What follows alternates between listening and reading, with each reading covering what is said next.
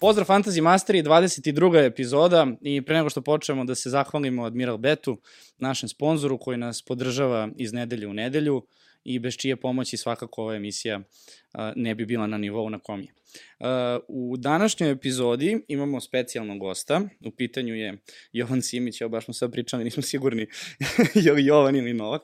Ove, ovaj, reci mi, evo da, da te predstavimo pre svega, kako bi najviše voleo kao uh, vlasnik futbolskog kluba Miljakovac, kao humanitarista, kao ljubitelj futbala, uh, otac, koji način bi se predstavio najviše? Sportski radnik, futbalski bonvivan. Mislim da je to kratko i jednostavno. Pa dobro. To vlasnik kluba mi nekako zvuči, znaš, kada sam neki šejh koji ima lovu i, i ide mi, a u stvari ja, sam, ja ono sam tu i ekonom, i psihijatar, i psiholog, i tetkica, i šta god treba, tako da futbalski bonvivan. Dobro. Najbolje.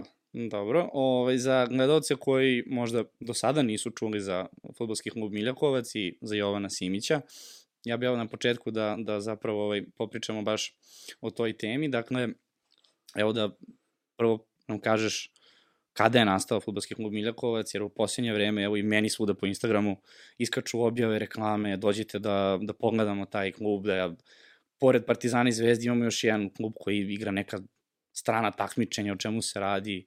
Polako dolaze informacije do, i do ljudi koji ne prate toliko možda ovaj, naše najviše lige, ali evo, upravo smo te zato doveli da popričamo malo o tim stvarima i da nam neko približiš tu temu domaćeg ovaj, futbala i same, same ove istorije futbolskog kluba Miljakovac. Da, a to je jedna vesela priča. Mislim, futbolski klub Miljakovac je u mojoj glavi nastao pre mnogo, mnogo godina, još ono, kad sam bio klinac i igrao championship menadžer 01, 02 i ti uđeš u editor, praviš Miljakovac, praviš sebe i svoje drugove, mislim to je ono, od kako si mali imaš tu neku ono, e, fiksaciju i, i onda u jednom ovaj, momentu 2020. godine kada se stišala malo bila i korona i sve, eto, palo mi na pamet da ovaj, probam, da pokušamo da ovaj, pokrenemo ljudi iz kraja, jer je Miljakovac zaista mnogo veliko naselje i tu su ono i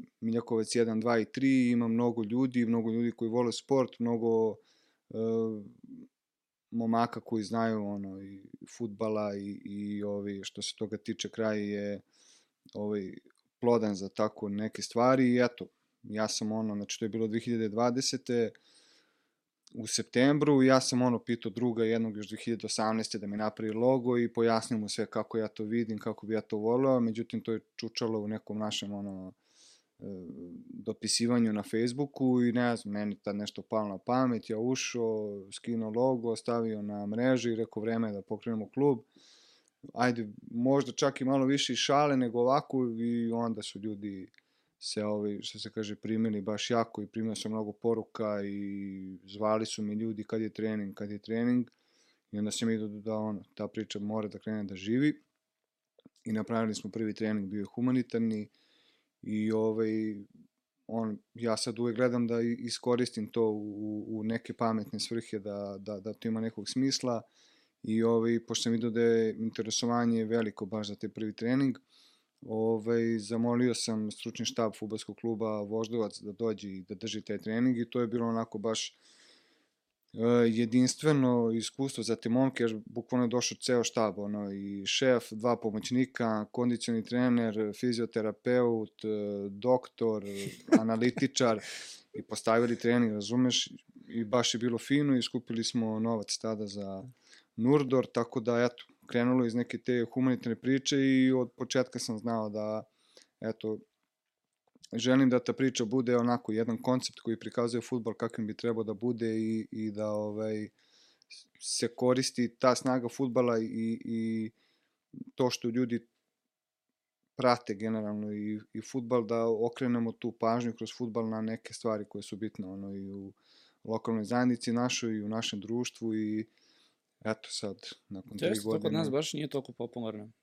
Lokalna zajednica, lokalni klubovi. Baš se svedi, svodi sve na, na, pa nije. na dva centralna tima i... Pa jeste, da, to je onako jedna tužna priča srpskog futbala, mada ima, ima ljudi koji voli lokalne klubove i moj je neki osjećaj da se ljudi sad sve više vraćaju lokalnom futbolu i lokalnim klubovima. Uh, veliki udeo u tome što je sve učmalo i dosadno imaju i sami klubovi zbog toga što ne komuniciraju sa navijačima na pravi način. Da. 2023. godina, znači društvene mreže moraju da postoje, mora da postoji u klubu neko koji će time da se bavi, uh, mora da se prave neke aktivnosti kako bi se klub približio i navijačima i ljudima, da li iz sela, iz varoši, iz gradića, grada, kako god, koji god da je klub. Tako da, ovaj, ono prvo i osnovno što bi trebao da ima svaki klub, to su ono društvene mreže neki lep način komunikacije i, i onda će se ljudi vraćati. To je eto bio od početka neki naš put jer je za to potreban najmanji budžet i ovaj, eto, ali, ali ima, kažem, po, po Srbiji, jer smo mi s Miljakovcem ono, išli ko cirkus od sela do, do seler, kad smo se pojavili, bili smo interesantni mnogo i onda su nas zvali, ne znam gde smo sve bili, neko selo pored Vrnjačke banje, pa smo bili u Ćovdinu kod Petrovca na Mlavi, pa u Svračkovcima kod Gornjeg Milanovca, pa u Vojvodini isto neko selo, tako da ovi, vidiš tu da ima ljudi koji vole futbal i da je to posjećeno, ali opet kažem, ne bi ja to baš sve na ljude svalio, nego malo i na klubove koji, koji treba da modernizuju ceo, ceo svoj pristup tim ljudima koji trebaju da posećuju utakmice. Znaš šta me interesuje? Evo, pre svega, kad praviš klub, dakle, ne ekipu koja će igrati 5 na 5 u balonu. Dakle, ti organizuješ jednu ozbiljnu, ajde da kažemo, mini instituciju. Dakle, tu pretpostavljam da je ozbiljna organizacija potrebna, ali me interesuje kako krećeš od nule. Dakle, ja, ja sam siguran, evo ja prvi, uh, ne znam sve lige u Srbiji koje postoje, posebno te neke, da kažeš, lokalne ekipe i na, na, na, na nivou opština, nekih mesnih zajednica. Kako to funkcioniše? Dakle, kako, jel sedneš sam, jel sedneš, imaš neku svoju ekipu, troje, četvoro vas, i krenete bukvalno kao u igrici, kako mi to zamišljamo od detinstva, što ti kažeš da si igrao. To stvarno tako funkcioniše u životu ili ipak ima nekih stvari koje nama nikad ne bi pale na pamet da, da prosto moraju da se odrede da bi ti imao pravi futbolski klub, pa sad igrao ligu koju igra, nije, nije trenutno bitno. Ma ne, vidi, tu je naj, najteže samo krenuti. I ti kad kreneš, onda kreće da se ono, otvara priča. On, ja sam tu krenuo sam, priključilo se još par drugova iz kraja, ajde da napravimo dresove, ajde da nađemo neku ekipu iz Beton Ligi da zakažemo prijateljski meč, ajmo da odigramo s nekim humanitarni meč i klub je radio godinu dana ono što se kaže na, na, na suvo, samo sa prijateljskim mečevima i sve to nismo bili prijavljeni za ligu i onda ti kad krećeš da se prijavljaš za ligu, onda tu ima nekih koraka, ono, možeš da se osnuješ u APR-u, što sobom nosi statute i sve ostale pravne akte koje, koje ti moraš da imaš i dokumente i sve to, onda se prijavljuješ za članstvo u, u onom Granskom futbolskom savezu, koji je nama Futbolski savez Beograda, onda to ne primaju u članstvo, onda se prijavljuješ za ligu, onda registruješ futbalere, pregledi, plaćanja članarina, mislim, ima tu puno stvari, znaš, ali nekako ide, kad kreneš u, u to i onda to kreće da, se mota samo od, od, od sebe, nego nisam ni, vidi, ja dok nisam napravio Miljakovac, ja sam znao bukvalno samo šta se dešava u Superligi. Ja sam pre toga da. radio da. u Voždovcu i to je bio moj ono uski fokus i tad sam mogu da sednem i da ono, pričam o radniku iz Surdulice, o Lučanima, o futbalerima, o čemu god hoćeš. Sad ono, mozak mi se izdeformisao totalno, ja nemam pojma šta se dešava ni u Superligi, ni u prvoj ligi. Znači, znam samo ovo dole šta, šta se dešava i to je sad ono naš ceo fokus u principu. Priča ti ide, ovaj, ti u Srbiji imaš e, šest rangova takmičenja. Znači, prvi ide Superliga, prva liga Srbije, to su savezne lige na nivou države i onda ispod ove lige m, svaki savez sad ću da vas ubijem s informacijama moje, mislim da ću da ti Čekaj, ja sam te pitao, nemoj. Pa znam, nego sad ću ja da, u, da uđem duboku temu. Znači, prve dve lige savezne i to organizuje Futbolski savez Srbije. Ispod toga organizuju savezi regiona. Imaš Futbolski savez regiona Beograd, Futbolski savez regiona Vojvodine, Futbolski savez regiona Istok, regiona Zapad i Futbolski savez Kosova i Metohije. Aha i onda svako ima svoju ono, srpsku ligu, zonsku ligu i ostale dole lige. U Beogradu to ide ono, Srpska liga, Zonska liga, prva Beogradska koja ima tri lige, prva A, B i C, Znači, prva liga ima A, B i C, da. a verovatno druga ima C, D, E, F i... A nema, nema druga. Znači ima prva Beogradska, što je totalni absurd da se prva Beogradska zove liga koja je u stvari treća Beogradska. Da. A Srpska liga se zove Srpska liga jer je tako bilo u komunizmu, jer je to tad bila treća liga i bila je stvarno srpska jer se sastojala samo od klubova iz Srbije, tipa ono Rakovica, ne znam, Spartak Subotica, FAP Priboj, ne znam ja kako. Da, da, znači, i onda su tako. Znaš, sad ti se zove Srpska liga nešto gde okupaš samo klubu iz Beograda. Znači, to je sad neki paradoks, ono, za ostavštine, ja se nadam da će to se promeni uskoro. Znači, srpska zona koje su jedinstvene, prva Beogradska, koja ima tri lige, međuopštinska koja ima dve grupe, u kojoj smo i mi, i opštinska Barajevo. Opštinska Grodska nije mogla da se organizuje, valjda nemaju dovoljno kluba, pa su neki prebacili u Barajevo, tako je neka priča. Ne? I to, to su sad najniže lige u Beogradu. Jel, Da, da, To da. su im... Najniže lige u Beogradu su ti, ne, ima i opštinska Lazarevac, ali to, ali sad Futbalski savez Beograda, pod njim ima Futbalski savez Lazareca, Futbalski savez Grodske, Aha, oni imaju neke svoje... a da, rekao sam ti, duga priča. I, ali generalno najniža liga u Beogradu koju možda nađeš, to ti je međuopštinska A i B. Ako ne računaš opštinsku Barajevo, to je tamo ono, Beljina, Veliki Borak i to. Znači, međuopštinska A i B i međuopštinska grupa A, A to je onako m, zanimljiva liga jer ono, ti u toj ligi imaš Bežaniju koja je nekad nastupala u Evropi, imaš Železnik koji je osvajač kupa, ima mnogo nekih interesantnih timova, Novi Beograd, ne znam da li ste bili nekad na njihovom stadionu Znam kako izgleda u, u bloku tamo, među, u među bloku, gradom. da. To je meni ono spektakularno i za Genex kule, blokovi, meni je taj, ja toliko volim taj stadion i toliko volim da, da, da tamo odem, da, Da, je to... to... si izabrao mesto koje samo je pitanje vremena kad će ga... A ja se nadam to, da, da neće sam. Ali al A. kažem ti, znaš, to kad uđeš u tu priču, znači, ono, sada bi pre išao, ako odem u Italiju, ne bi išao na San Siro ili tako nešto, nego bi jurio neke seoske terene, da vidim kako to oni, šta Kako oni, organizuju. Kako. kakva je slačionica, kakav je tunel, kako se ulazi, znaš. I To ti izdeformiše totalno. ne? Miljakovac igra onda, dakle, Međuopštinska grupa A. A, grupa To Bežanija, Železnik, Novi Beograd. I oni su vam verovatno najveći, da kažeš, protivnici ili rivali. Tako. Pa oni su najjači tu u ligi, realno. Oni se sad i bore za ulaz. Železnik ili... ili... Železnik, Bežanija i Velika Meštanica. Oni se bore Aha. za plasman gore, u prvo Beogradsku. A, ide jedan. Ili Ide jedan, može biti samo jedan, da, da. Biće prolazi tu- jedan i jedan verovatno se vraća, u, odnosno ispada Ma, iz nema. gore. Nema gde se vraća, beton. Pa dobro, kao iz više lige, znaš, kao da... A, iz više lige se vraća? Ne, ja To, sam, to. ja sam mislio da iz naše lige ispada. Iz naše lige ne može da ispadneš nikako, ali iz prve Beogradske se vraća jedan, ne vidiš, to je sad interesantno pitanje. Ako ima tri grupe, Kako to sad? onda se jedan vraća u međuopštinsku A, jedan u međuopštinsku B, a jedan vjerojatno će doda u Barajevo ili možda će popune dve u B. Ne znam, to je sad pitanje za, Neka matematika za njih, da... to je pitanje za stručnije ljude. Pa dobro, ali recimo evo sad, na primjer, ovaj, pored muškog futbolskog, eh, da kažem, odnosno ekipe, eh, Miljakovac je jedan od rijetkih koji zapravo od svog starta, a i danas ima ženski futbolski klub, pre, zapravo za koji smo mi prvo čuli da postoji ženski futbolski klub. Ovaj, sa prvo ste čuli za ženski pa za muški.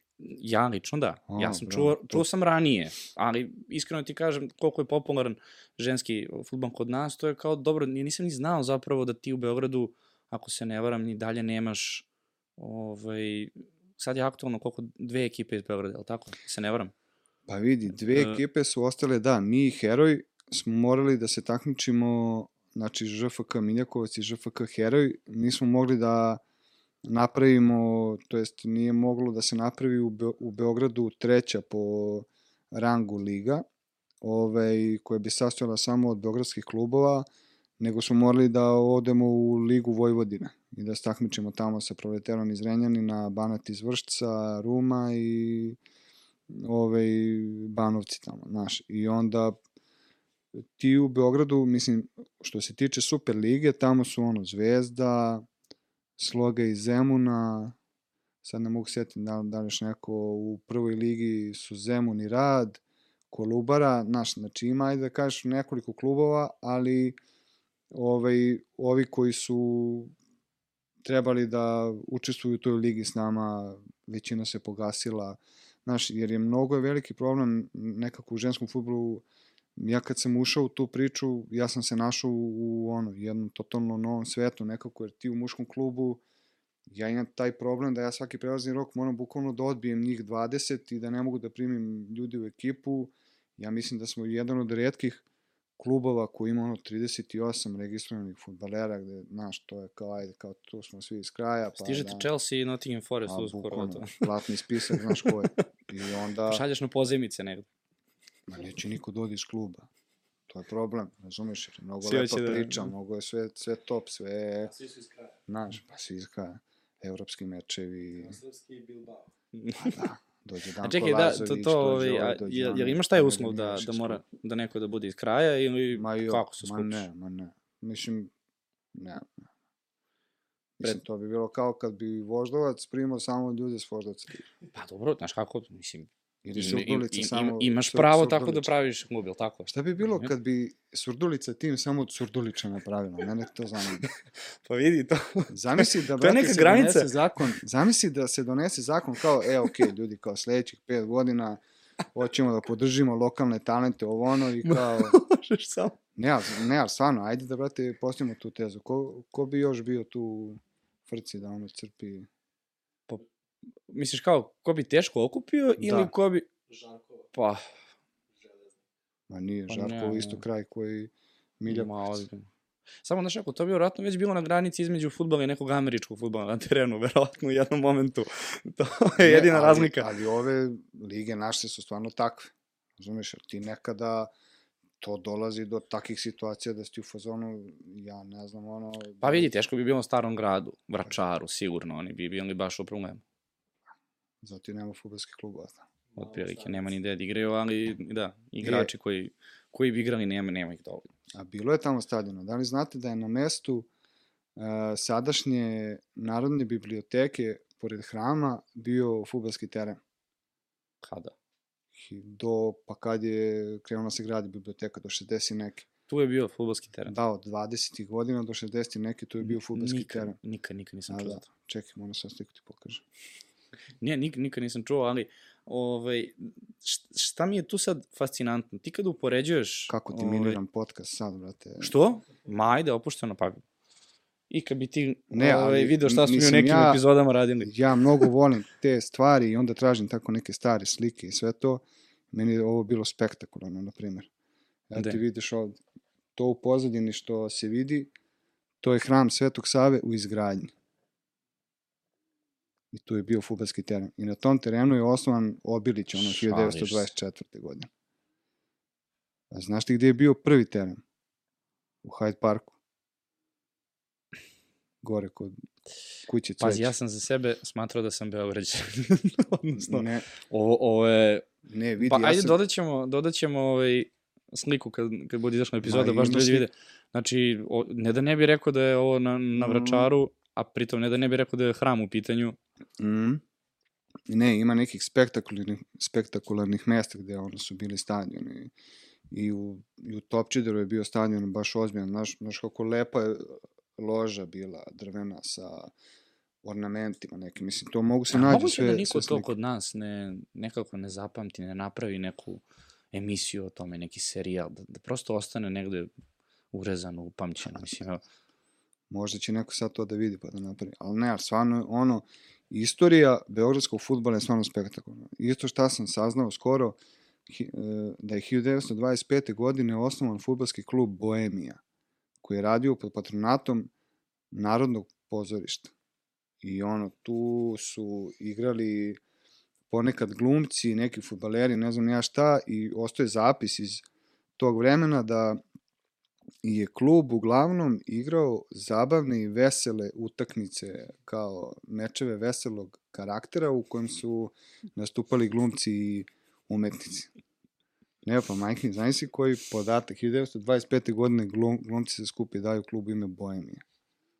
Mora da su bili svi trezni. Na, Da, na to se tako- prokomentarišem, verovatno su imali ovaj, Ne, ne, ali, ali ovi stvarno sad bez, kafanicu pored bez, terena. bez ove šale, tad kad je futbol krenuo u ekspanziju, stvarno je bilo nekih ono klubova spektakularnih i terena i ljudi su bukvalno ono pravili terene gde god su stigli, jer tad grad još nije bio toliko ni urbanizovan i tišta, znaš. I baš ono, da, može se to nađe sve na ovaj, internetu i baš, baš ima nekih onako podataka zanimljivih. Eto, žao mi je što sam veruj ti mi- ve- veruj mi, nikad nisam čuo. po- podcast svojim ne, informacijama. Pa ne, pa zato si tu da pričam upravo ovakvim stvarima. Vidiš, ni- nikad, nikad nisam čuo za Vračar hram da, da je tu nekada bio. Da, da, da.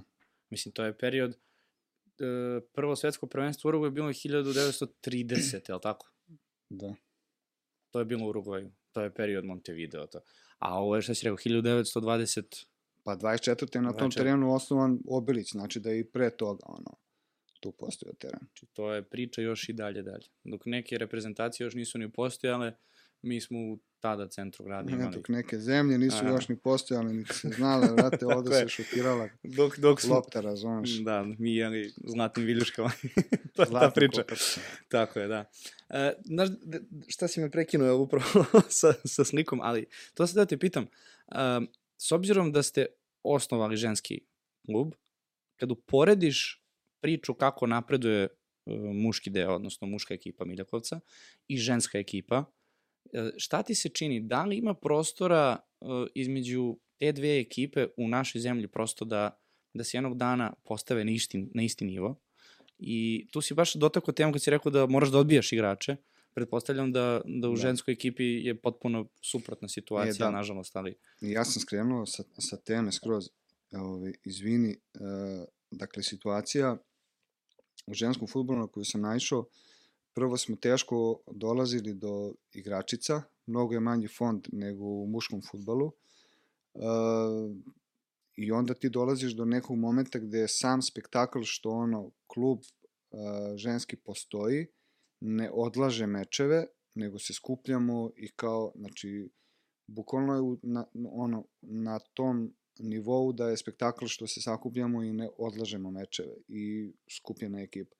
I sad to ide sa nekim svojim tokom, sad ima sve više i više devojaka, priča se raširila, ali generalno e, mnogo je teže nego u muškom futbalu i naš, nekako tu će trebati baš dosta, dosta rada, ne samo u Miljakovcu, nego uopšte u Srbiji da ono ženski futbol dođe na, na neke grane na koje bi trebao. E sad, gde je tu zapelo, ja ne znam, jer znam da ono ženski futbolski klubovi i devojke u futbolu su postojale još pre mnogo, mnogo godina, sad slagaću te da li Čukaričkih 1960. ono, imamo ekipu ili tako nešto, naš, nešto sam to našao skoro isto bio na internetu, i ovaj, ali generalno e, ono što je neko moje mišljenje da ženski futbal ima budućnost u Srbiji, ima mnogo potencijala, jer prvenstveno smatram da ono postoji taj genetski, poten, genetski potencijal Da. da ovaj, mi imamo devojke koje mogu da se kvalitetno bave tim sportom, što se pokazuje da smo mi kao nacija sa, u ženskom sportu dominantni na mnogo polja, znaš, ono, košarka, odbojka Odbojka, i pretežno, rukomet da. pre i, znaš, tako da, znaš, znači tu ima, samo treba nekako usmeriti devojčice na tu stranu, na futbal, jer mislim da su do sad bile usmeravane samo ono zbog incidenta, tipa tata voli futbal i onda mm. on vuče ćeru svuda ili mlađa sestra vidi brata i onda uz njega, znaš, i onda sve ove uh, top igračice naše su realno produkt tog nekog incidenta, a ne nekog sistema koji je bio osmišljen da se napravi ono ženski igrač i da se izbaci u prvi tim ili tako nešto, znaš. Ko, koliki je prosek od prilike to me interesuje godište ovaj, u odnosu ženska i, i muška ekipa? To, to, to me baš interesuje. Jel se generalno javljaju um, mlađe devojke, odnosno što ti kažeš devojčice, da li zapravo imate omladinsku ovaj, mm. ekipu, žensku, ili je to ipak sad mešano i da ima i starijih i... Pa nemamo, vidi, mi imamo samo seniorski muški i ženski tim, a prosek godina u ženskom timu je bio mnogo veliki kad je počela sezona. sad se dosta smanjuje jer je doš, došlo dosta mlađih ovaj, futbalerki, tako da, znaš, to će isto biti neki proces. U muškom klubu isto je počela i ja, ja mislim da je godina u muškom klubu kad smo počeli bio tipa 30 godina, tako nešto, znaš, jer sve za tu priču se zalepila neka moja generacija i kasnije u tom nekom procesu su krenule da ono, su krenuli da dolaze klinci, mlađi, tako da to je sad neki proces i to će trajati, znaš, tako da neka moja vizija stvarno jeste da od ovaj, sledeće godine to bude ekipa dosta mlađa i kao super je bilo momci, ono, bili ste tu i doživjeli neke sjajne stvari, Evropu i sve to, ali kao vreme za, za klince. Jer, mislim, ili će da ostane sve na nivou tom istom kao ekipa iz kraja se skupe. Da, da, da. Drugo, ono što je mnogo veliki hendikep, što mi nemamo svoj stadion, i ti jako teško možeš da organizuješ mlađe kategorije, da se to radi na nekom nivou na kojem ja mislim da bi to trebalo da se radi, da bi bilo kvalitetno i perspektivno i, i da ima nekog smisla rad sa tim mladim ljudima. Tako da... Ti kad imaš futbolski klub, ti uh, baš moraš da imaš u vlasništvu svoj stadion ili možeš da koristiš, odnosno pozajemljuješ određene terene, ne moraš da ne budeš... Moraš, ne moraš, ne, ti jednostavno samo uzmeš i pronađeš negdje gde možeš da najmiš teren ili tako nešto kao što smo mi sad na stadionu Rakovice, uh, devojke su na stadionu Železnika i onda ti tako ideš, šetaš, mislim, ono, baš je teško, znaš, ono, devojke rade treninge na Adi, nekad na sportskom centru Gladiatoru u Kneževcu dole, pa onda mečevi u Železniku, ajde muškarci su se nešto ustalili tu u Rakovici, pa kao, ali desi i oni da šetaju nekad i sa domaćinstvom i sa trenizima, tako da, ne moraš da imaš stadion, možda priviš svoj meč ako se dogovoriš sa ljudima s ko, bilo ono, s koje god stadiona, ali to je mnogo veliki hendikep, znaš, jer ti onda se ne pitaš ni zašto. A, mislim, moje neko viđenje i mišljenje kluba, da bi klub mogao da raste, on mora da ima svoje prostorije, svoj teren i svoj život unutar ono, Da, da, mora ima neku bazu. toga prosto, i da. da se ti pitaš kad su kadeti, kad su seniorke, seniori, kadetkinje, da, da, ovako je sve naš sklapanje konca i konaca. Pa evo, šta, šta ti je ideja za, za neke naredne sezone? Makar naredne dve, tri, ali imaš već neke postavljene ciljeve ili prosto, što kažeš, ide to nekim svojim tokom? Pa... Ha, ja, znaš kako, ne možeš ti da praviš neke ciljeve kad, evo, nemaš para, jer, znaš, ono, futbalom i tim nekim stvarima se bavi ljudi koji imaju lovu ovde sirotinja kluba prihvatila i, i krpimo se svi, razumeš? Kad ti kad nemaš para, kad nemaš naš neku logistiku, nemaš ništa, ti moraš da ideš dan po dan, nedelja po nedelju, od subote do subote živiš i gledaš šta će da se otvori i onda grabiš te šanse, prilike, kao što je bio poziv za Phoenix Trophy. A to ću, Znaš, to ću posle da te pitam, da, baš to me znači, interesuje. tako neke stvari kada se pojavljuju, grabiš ka tome i to je to. I onda se nadaš da, eto, koračiš nekim pravim putim i da ćeš onda da naiđeš na, na, na to nešto što si zacrtao, što si zamislio. Ali imaš limit, na primjer, ako vi sada napredujete u neku ligu, višu ligu, jel te ABCD, kako se već zove, ovaj, da li oni uspost, odnosno traže neke, ovaj, imaju neke zahteve, prohteve, mora ovo, mora ono, mora da imate ovo, mora ono. Da li prosto tim nekim, pa da, da, kažem, možeš ti- regulativama ste ograničeni Pa da, mislim, sad, na primjer, kad smo već spomenuli stadion Novog Beograda u bloku 33, ja mislim da oni, ne bi, da oni mogu na njemu da igraju samo međuopštinsku. Ne znam za prvu Beogradsku da li bi bio primljen teren ono, od strane komisije i sve to, mislim da ne. Tako da, da, naravno, znaš, mi kad bi, na primjer, ušli, ne znam, sad u Srpsku ligu, na stadionu Rakovice bi verovatno mogli, znaš, ali ne možeš ni to da na svakom stadionu igraš, jer postoje ipak neke stvari. Na Rakovici igraju Vukovi, ako se ne varam. Mm, mm, Tako da pretpostavljam da, da ima neke solidne uslove Da, što da, se toga da. tiče. to je okej, tamo je i bila i Srpska liga i druga liga, do duše pre 20 godina, ali ovaj, da, postoje neke stvari koje moraš da ispuniš kako napreduješ u ligama i moraš i da imaš i mlađe kategorije. Mi sad kad bi se plasirali u prvu Beogradsku, mi bi morali da, mislim, da ne može to i ukinuto, ali znam da si morao da napraviš selekciju jednu mlađu. U Aha, to je ili bilo. tako nešto, da. Tako da, I to onda zahteva nove termine, novu organizaciju, nove ljude. Tako je. Nove trenere, novo sve, znaš, tako da, ne znam, ja mislim da je tu logistika ključna i, i onda kad imaš tu logistiku, napriš jedan tim ljudi koji je ono zdrav, normalan, prav. Ne, ako žele to da rade pre svega iz ljubavi i ne, ne, zbog toga ne, ne, nešto što vole, onda to ide mnogo lakše nego Pa, da naravno, tako. ti je svako samo tu kao neki običan posao. Uvek, Pa, uvek tako bude. Ali evo sad, ako pričamo o tome, otkud vi onda u tom Phoenix kupu, odnosno Mhm. međunarodnom kupu gde igraju i timovi iz kako sam shvatio, Italije, Engleske, E, United Ka- of Manchester, čak United, i da. Beveren koji je bio šampion Belgije. ka, kako sad u toj priči? Pa Otkud vidi, to? Kako? To takmičenje su pokrenuli italijani sa ljudima iz United of Manchestera.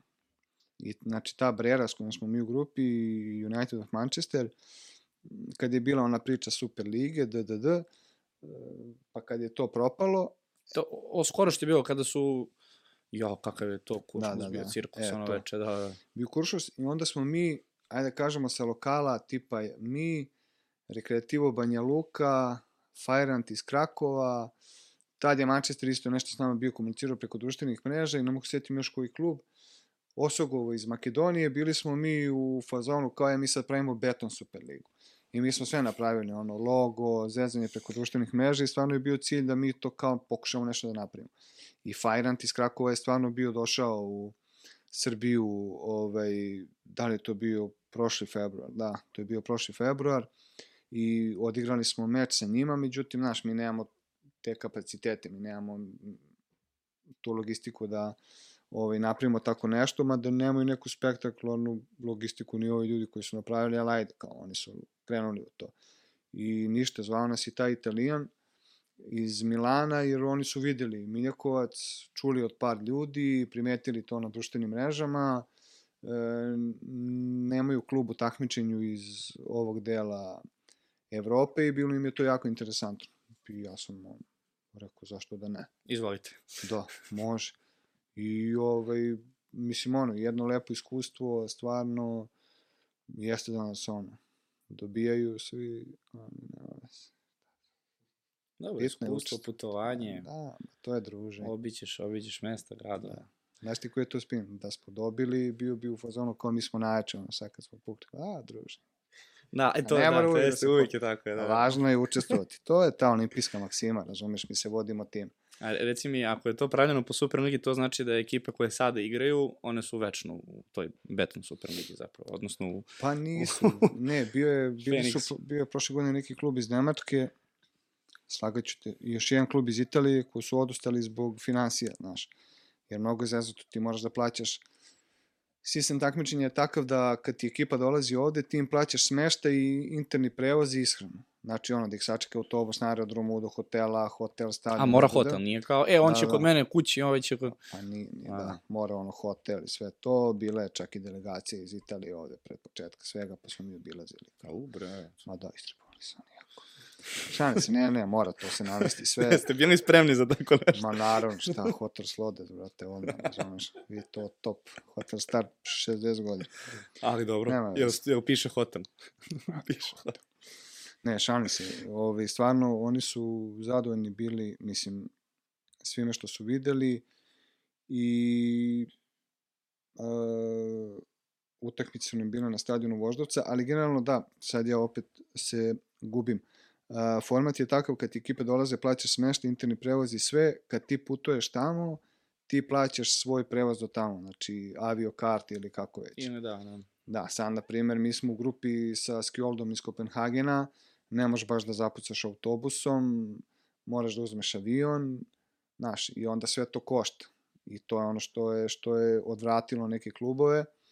Mi smo bili tu ove sezone, jer je to nama bila prva sezona jako interesantno, da, da je sad da li ćemo moći da obezbedimo budžet za narednu sezonu, vidjet ćemo, ali generalno... Ta ovaj, liga je završena već sada ili je ostalo? Ne, ne, ne. Uh, grupna faza još traje. Dobro. Znači, grupna faza je počela u septembru i ja se izvijem, grupna faza je počela u septembru i sad, pošto mi nismo naravno profesionalni klubovi, nemamo velike budžete, pare skupljamo, čekamo, da, da. Uh, grupna faza se otegne od septembra, evo mi ćemo da završimo grupnu fazu u maju, 16. maja u Milanu. Znači, u novembru smo odigrali uh, dve utakmice u Beogradu na stadionu Voždovca prvo protiv Brere, onda protiv Skjolda, a sad putujemo u maju 10. i 16. 10. u Kopenhagen, 16. u Milanu i tu se završava ovaj, grupna faza i onda se ide na Final Four koji je 7. ili 8. juna Aha. u Milanu. Tako da ovaj, malo to sve duže traje i mi smo sad tim spletom okolnosti ostali jedini srpski tim koji nastupa u eurotakmičenju. I kakav je skor trenutno? Je- si me malo pre, moram da... A, Da, skor je, pa dobro, protiv Brere smo izgubili 5-3, a protiv Skjolda 5-0. Pa dobro. Pa dobro. Ali vidi, A to za je... prvu to... sezonu, to je... Ne, vidi, na, znaš koji je tu bio problem? E, ti mečevi su se prenosili na sport klubu, stadion Voždovca, sve to, i stvarno ja sam dao sve od sebe da to bude organizovano ono, po, po ono, bukvalno UEFA, ono, nekim normama i u saradnji ono, i sa ljudima sa Voždovca i sa svim ono relevantnim službama. Naš, jer ja kad sam se čuo sa ovaj, italijanima, ja im, ja im kažem, ok, sad mi moramo da javimo policiji kad stižete, dobijate pratnju. Oni kao, brate, što pratnje, mi ćemo skrećemo po radu.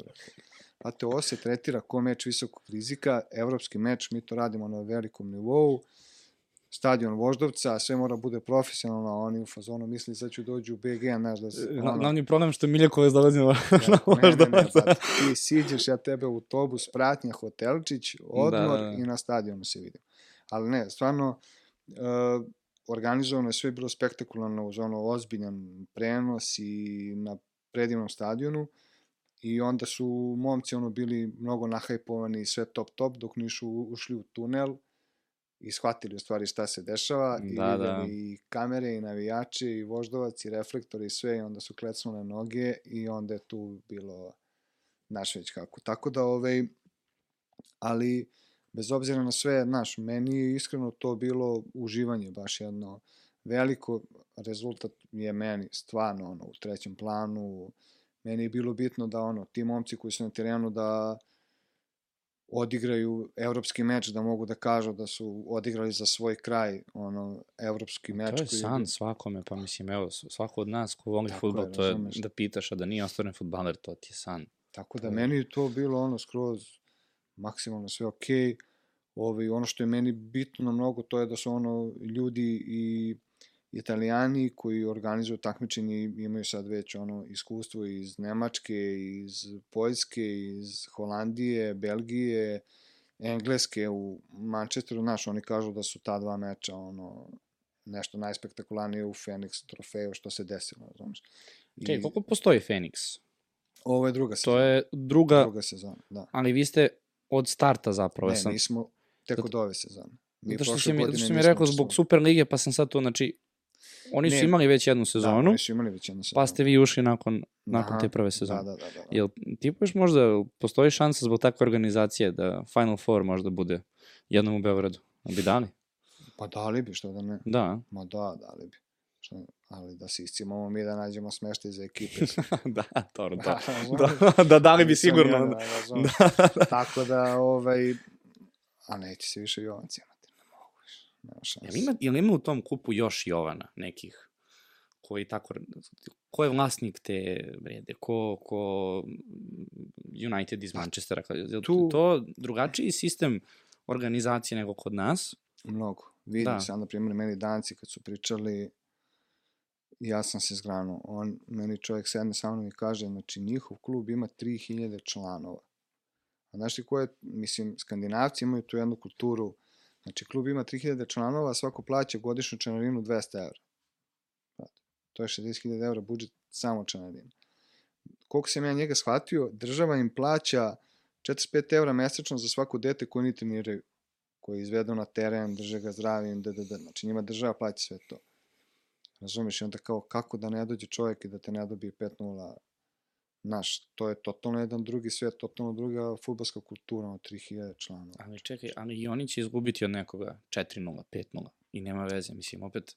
Ma ne, naravno, nego igraju, samo ti opet kažem, to- znaš, ono, meni je spektakularno bilo ono koji, koji je to nivo, kako se tu ljudi da, organizuju i, i mislim, ja sam proveo u Švedskoj ono jedan deo života i, i stvarno je meni ta ono skandinavska kultura tog match day da kažeš ono spektakularno, to je ono hot dogovi, pića, piva, porodica, mislim, naš, totalno, ne znam, nije nekako ni mnogo agresivno, nije ništa, to je bukvalno ono porodični dan, jedan lep, razumeš. Tako da, to mi je ono super, na primjer, ok, United of Manchester, to se već zna, ono, fan owned club, fanovi ga drže, isto verovatno, ono, ne znam baš po kom principu, ali verovatno se ono nekoliko stotina navijača tu. Nešto. Da, nije na plećima jedne osobe u svakom slučaju. da, da, to da, je, da, da. Jasno. Evo, na primjer, evo sad, sad ću te pitam sad, ovaj, s obzirom da, da mi je sada malo jasnije kako sve funkcioniše što se tiče Miljakovca gde igraju. Um, jel, mi, zapravo čini mi se da imamo zajedničkog uh, prijatelja, ali vi ste davno bili u kontaktu, ne znam da ga se sećaš, Miloš Prikić. Znaš Prikić? Prik. Davno je to bilo. mogu se. Pa sad kad bi, kad bi video ovaj, lik, sigurno bi se setio. On organizuje humanitarne turnire, često je na Adi pravio. Ovaj, zašto ti to sad kažem? Zato što igrom slučaja... evo, Čekaj, to je cijel- bilo ono STM? Pa vidi, ja sam se čuo sa njim, on mi je rekao da te zna pre, pa, jedno, 3-4 godine, kad je to već bilo, da ste pričali oko humanitarnih turnira, akcija. Ovaj, ali zašto ti to pričam? Kako Zato si što mi sam... stavio u neprijatnu situaciju Ne, ne, pred kamerama, ne, ne, pred ne, ne, mikrofonom, ne, kao, ne, ne, ne, znaš vidi, vidi, lika, on je meni isto, ne, ne, ne, vidi, vidi, on je, on je meni isto nisam rekao da ste... brate, znaš ono blef komada, bre, prik. Gde je prik? Gde, gde moj Šta radi? Ne, vidi, on je isto rekao Nisam- kao davno je to bilo, pa, znaš, da, ali, ovaj, Uh, zašto ti kažem? Zato što stvarno igrom slučaja cijela ekipa ovde... Ovaj, Ovaj... Ali mi još neku kosku. Polako, imamo Evo, vremena. preci se stavio. Ovaj, mi Jao, isto prikaj, imamo... sorry. Izvini, Se- sad ću da mu pošaljem. Sad, evo, sad baš. Ovaj, mi smo organiz, mi imamo amatersku još, priču. Još sintetiku ovu. Šta napravimo pauzu? A ne, sad ću ja tebe da... Ne, sad ću ti miniram pot. ne, stvarno, stvarno, ovaj, ruku na srcu, on mi je rekao davno je to bilo i, i on zna za tebe da što sam pričao ovako sa njim, pa se i on prisetio, nije bilo tako, znaš, e, znaš, sećaš. Tako da, ovaj, on nam je dosta pomogao jer smo mi isto organizovali jednu amatersku priču kao futbolski klub, samo nema apera, nema zvaničnih prijavljivanja i tako dalje. I počeli smo sa njim i sa još jednim momkom, da li se sećaš, to se zove UBAT liga, amaterska, Unija beogradskih amaterskih timova. Ja sad neću zezno, sećam se, kako ne. Jel Čitao sam da? o tom.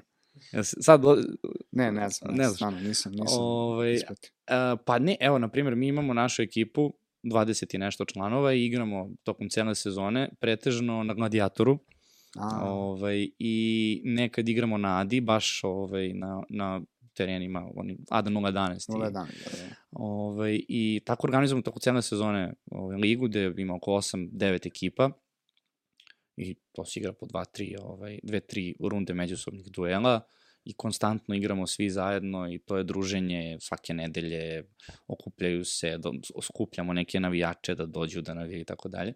Ovaj, tako da zbog toga mi je palo na pamet, sad dok si na kameri, da ti predložim ako hoćeš da napravimo, ovaj, odnosno da se skupimo jedan dan i da Miljakovac odigra protiv naše ekipe FK Orlovi se zovemo, da znaš. Kako Orlov, FK Orlovi, da. zvučno ime. Pro, kad? da, prosek, prosek godina 19.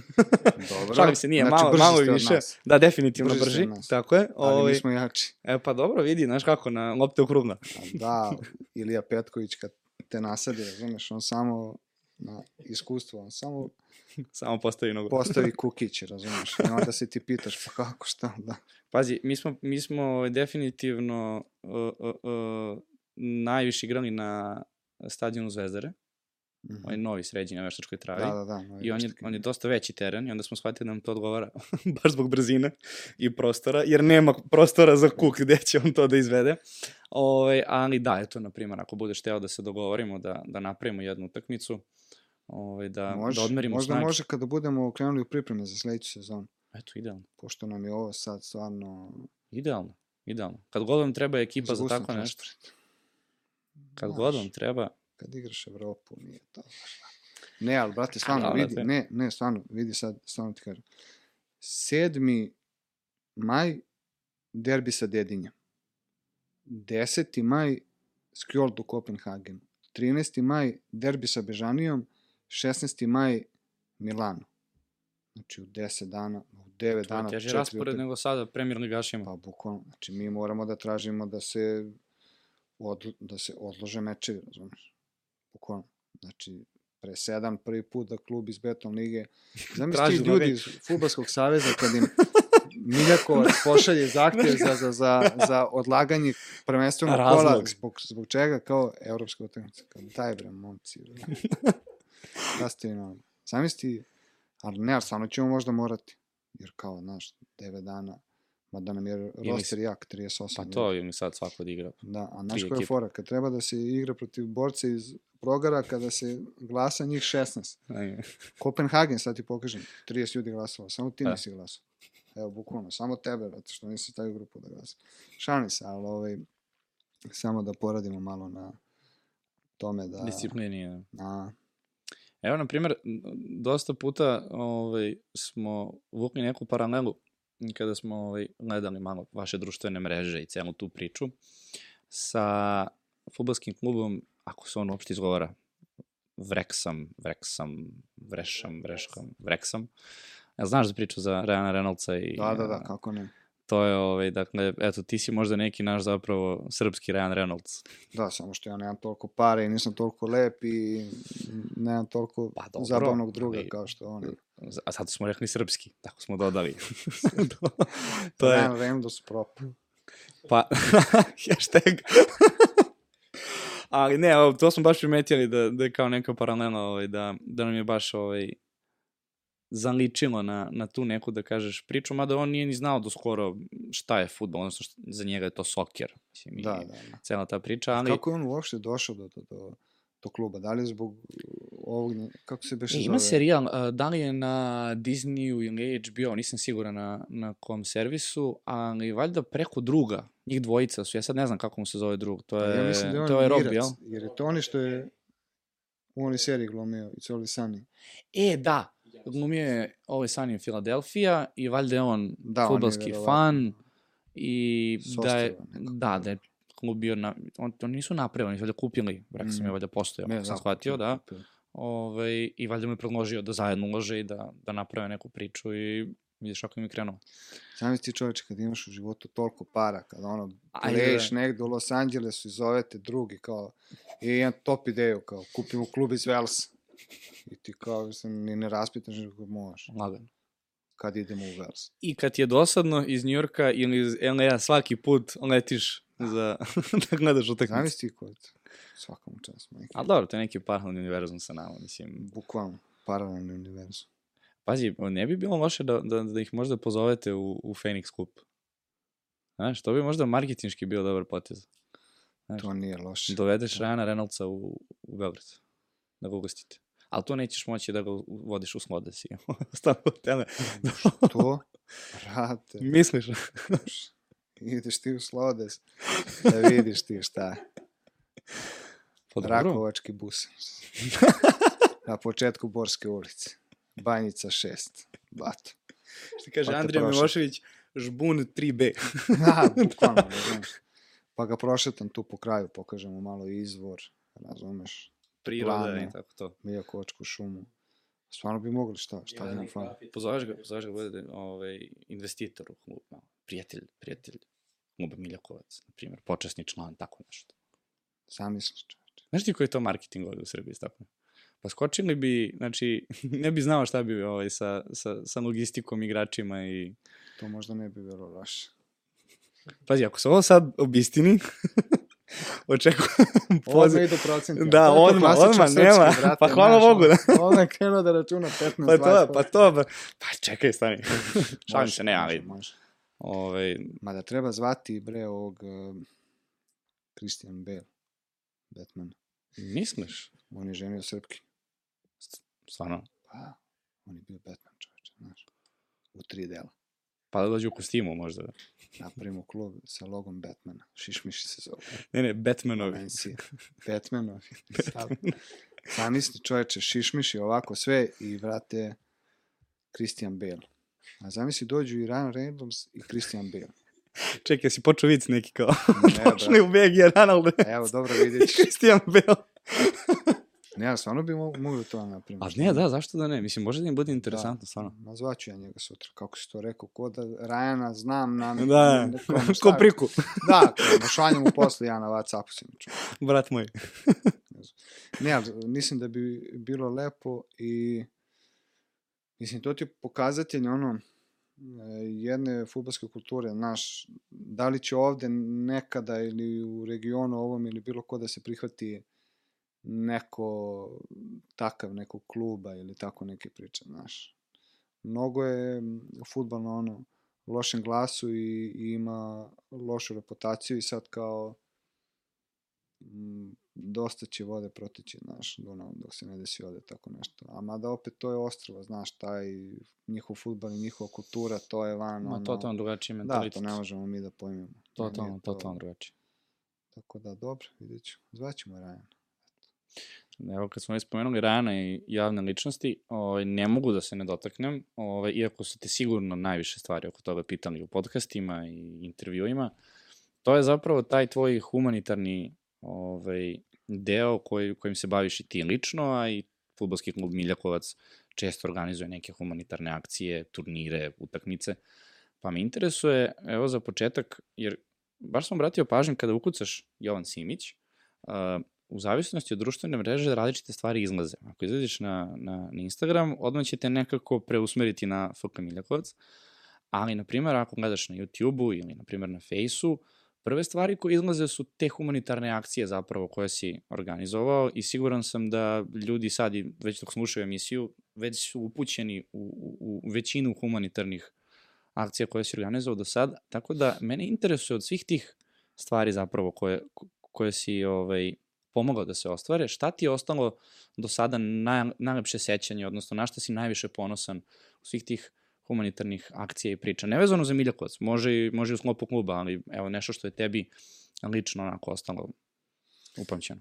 Pa dobro, vidi, to je, mislim, definitivno ta prva akcija sa dresovima, jer ona je meni otvorila jedan potpuno novi svet i, i pokazala mi kako mogu da iskoristim neke svoje, da kažemo, ideje, zamisli i kapacitete na način koji je najsvrsishodniji u ovom društvu i nekome kome je pomoć potrebna, znaš.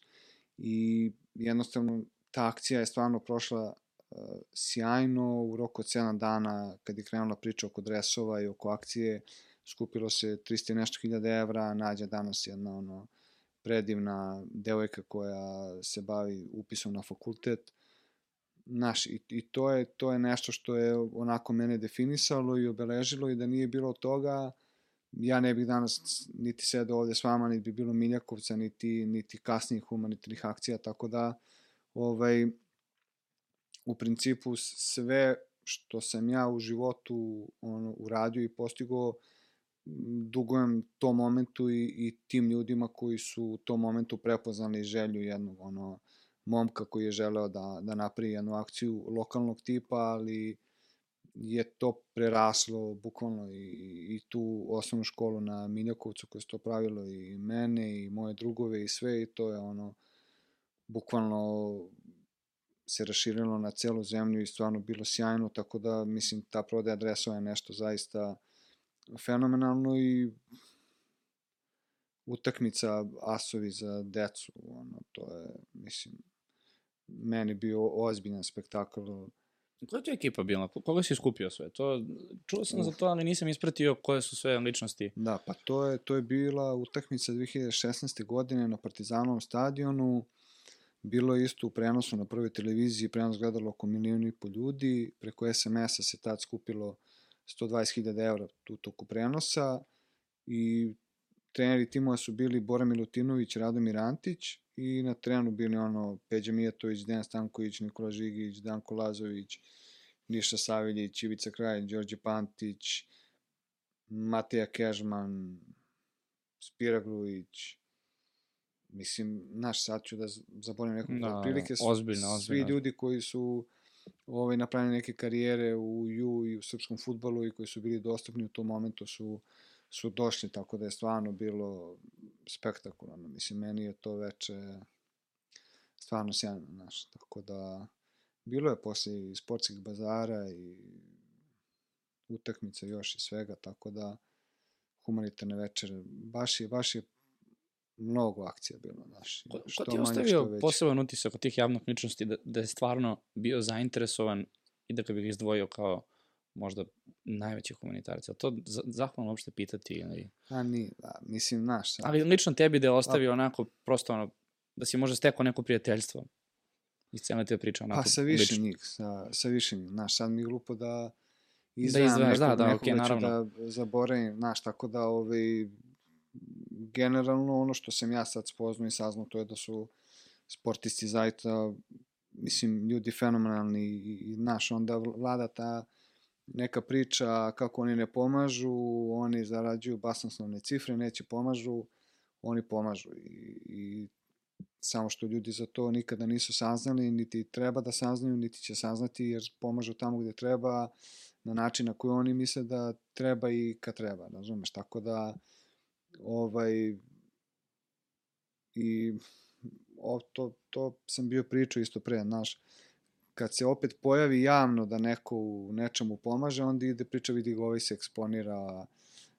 on to radi sebi. Znaš, ne možeš niko da zadovoljiš da, naše javnosti. To, karijerčinu, treba sad da se čuje, znači, bukvalno u tim momentima kad se ti ljudi pojavljuju, to najviše znači nama koji smo organizovali akciju i to je na našu molbu i na našu sreću, jer na taj način akcija dobija kredibilitet, veću medijsku e, vidljivost, samim tim i to dete za, ili povod za koji se sakupljaju sredstva, za, za to će da čuje još mnogo više ljudi, tako da, naš, nekada snaga samo njihovog imena i kredibilitet i pojava će da donese još x SMS-ova, donacije i svega. Tako da, znaš, mnogo je to široka priča, ja uvek moram da stanem ono u odbranu sportista i, i, i za tu priču kako pomažu, kome pomažu. Samo, naravno, vidi i, i oni ljudi ovaj, žele da kad pomažu da je to nešto kredibilno, da naš,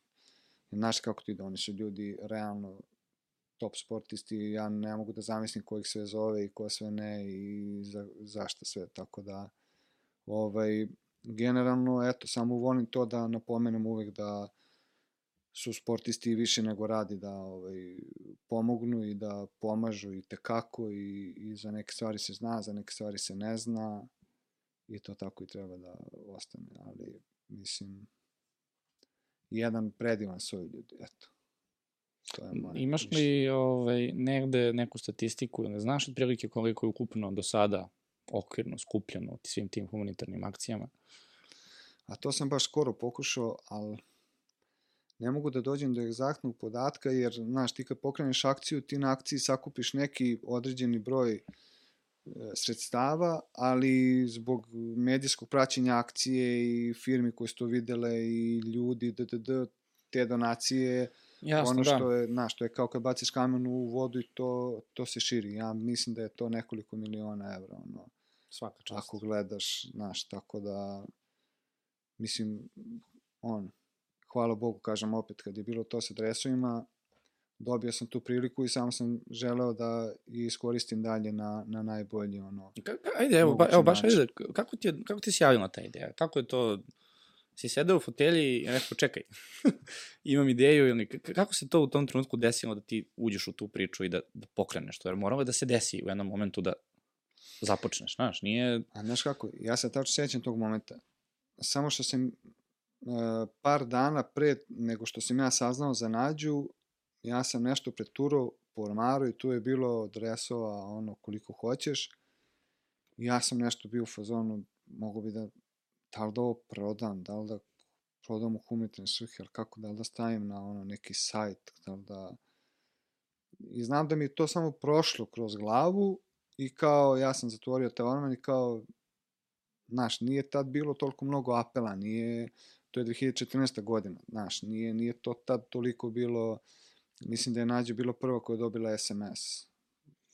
Slagaću te, ali mislim da, da je tako. Da, da, da, je to bio taj period. Ovaj, I onda sam ono, tad sam radio u nekom kineskom restoranu, došao iz druge smene, sedim oko ponoći ono, za kompom, listam i vidim kao ape od 30.000 evra potrebno i prepoznam da je devojčica slika na u osnovnoj školi moje. I onda, bukvalno mi odmah palo, aha, ok, to je to, naše dete iz naše kraja, imaš dresove, nemoj da stavljaš na sajt, ajde skupimo ljude sve na jedno mesto, da se okupi ljudi sa lokala, da se druže, da pomognemo nekom, da se stvori neka pozitivna priča. Otišao u školu, zakazao salu i on krenuo da širim priču preko društvenih mreža, Twitter, d, slao saopštenje medijima. Tada je Face sigurno bio najaktualniji, tako? Twitter, Twitter je tad baš, baš Stvarno? mnogo pomogao. Da, da, da, Twitter je tad... Nikad ne bih rekao još da je Twitter baš. Ne, Twitter je tad bio krucijalan, da, da, da. Twitter je, da, da, da. I ovaj, i ono, zahvaljujući jednom on, sjajnom čoveku Darku Nikoliću koji je to raširio kroz jedan tekst u Blicu i tu se život okreće, tu je to poraslo mnogo i kažem opet ono, za 7 dana se skupila cifra, nađe otišao na lečenje i eto, hvala Bogu, sve je Ko bi rekao da će to tako da se desi, što ti kaže, poklope se kockice jednostavno i A vidi, Jedan plus jedan, mislim, ja i kad pričam sa roditeljima njenim, znaš, situacija mnogo teška u tom momentu, mnogo para treba, ništa se ne zna, putuju u Nemačku, ali kažu opet, znaš, to je, akcija je stvarno bila um, sa, ono, u jednoj teškoj priči gde se skuplja mnogo para za jednu devojčicu, ali sve je bilo nekako onako čisto pozitivno, znaš, nije niko ništa mračio, nego je sve, sve išlo baš ono, hvala Bogu, tačno kako treba, znači da je neko crto kako bi trebala da akcija bude i da se napravi naj, najveći mogući, ono, kako se kaže, sad sam ja, impact, kako, najveći mogući Pa sad je meni impact. Pa, to ti, sad sam premostio, ovaj, e, Uticaj. uticaj, da, to, naš, ne, ne bi mogo da ga tako mislim. Tako da, ono, kažem opet, hvala Bogu, stvarno je sve prošlo super. Delo je da- nekako da je to dalo nadu u tom trenutku, odnosno da smo i mi kao nacija naučili da je moguće na taj način stvarno pomoći osobi koja se zove preziva, kako da stvarno znamo o kome se radi. Ta- Nekako mi deluje da je to bio jedan od skokova gde mi sad stvarno imamo i organizacije i ceo taj sistem gde ti možeš da pomogneš nekome. Stvarno je to tada, odnosno i period ranije, nije bilo toliko aktuelno.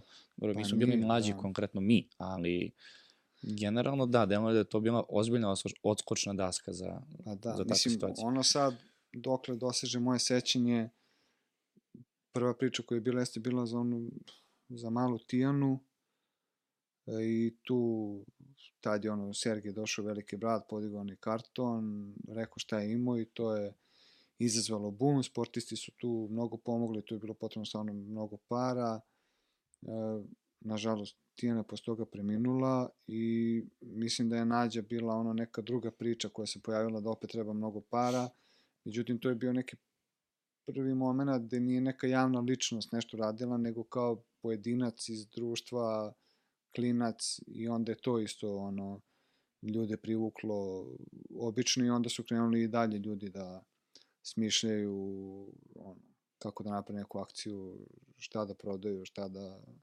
šta god, znaš, tako da To je period, ti si, malo pre si spomenuo, kažeš u kineskom restoranu. mm, To je onda, ovaj, kada uporediš to i period kada dolaziš na, na mesto PR-a za, za, za olimpijski komitet, zapravo, da se tako kaže, ovaj, kada bi pogledao tu lestvicu koja se desila od tog momenta, tako da, znači, kineska ovaj, hrana do, do, do PR-a, jesi, je bi menjao nešto u tom ovaj, putu, odnosno tom gradiranju i takvog uspeha koji si zapravo u svetu sporta postigao da ideš na olimpijske igre i da si jedna od jako, jako bitnih osoba za, za samu naciju, ne, mislim, naravno, pored sportista koji nas predstavljaju. Pošto znam da ovaj, video sam par tvojih ovaj, intervjua za, baš za, za priču oko olimpijskih igara, pa me interesuje prosto, to stvarno deluje u jednom trenutku kad, kad gledaš sa strane, deluje kao da si ostvario neke svoje snove za koje nisi ni znao da možeš i i da si hteo da sanjaš. Tako mi nekako deluje. Pa, pa bukvalno, ma ne, mislim, kako ti kažem,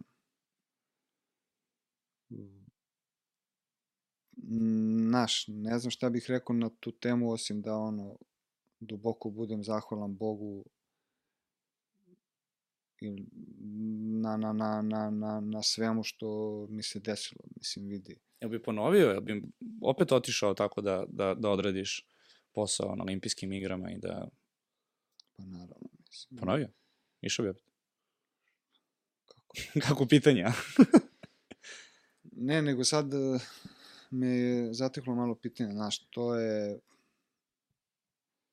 neki splet okolnosti, kažem ti, znaš, ti realno dete iz radničke porodice, bez ikakve pozadine, bez ono,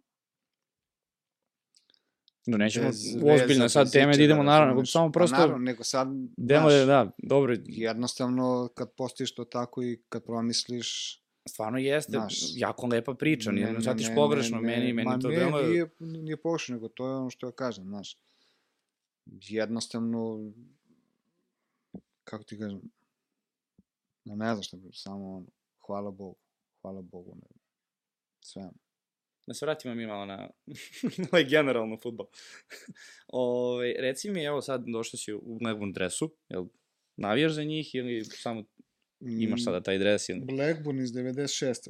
Pa, gotivio sam ih, ali ovaj dres sam kupio slu, slučajno, ono, kad sam imao tu maniju još, ne znam, prošla je akcija sa dresovima, prošla je sve, sve sam rasprodao, onda me to pustilo i onda sam nešto slučajno video neke en- engleske stare dresovi kao ajde da kupim, a Blackburn sam volio uvek zbog lepog grba. Tako da... ove, Jeste stvarno drugačije malo, da. Mm, Čekaj, to je 96. šest. Oni su 96. Tad je Shearer prešao u Newcastle. Da, ba, koje, koje, koliko su, su vršili drugi, prvi, te, uf, koji Ja mislim da ono? su oni titulu uzeli, 96. ja mislim. Ajde, ajde proveri, da, ne mogu setim da li je 96 ili koja. Moguće, moguće da su uzeli. A, ove, reci mi, pored ove, Blackburna, imaš nekog favorita, ovako nekog miljenika iz... Ne mora Premier Liga, ajde, mi, mi generalno pričamo baš o, A o ne, Premier Blackburn Lige. je uzeo, Ko je to vajen?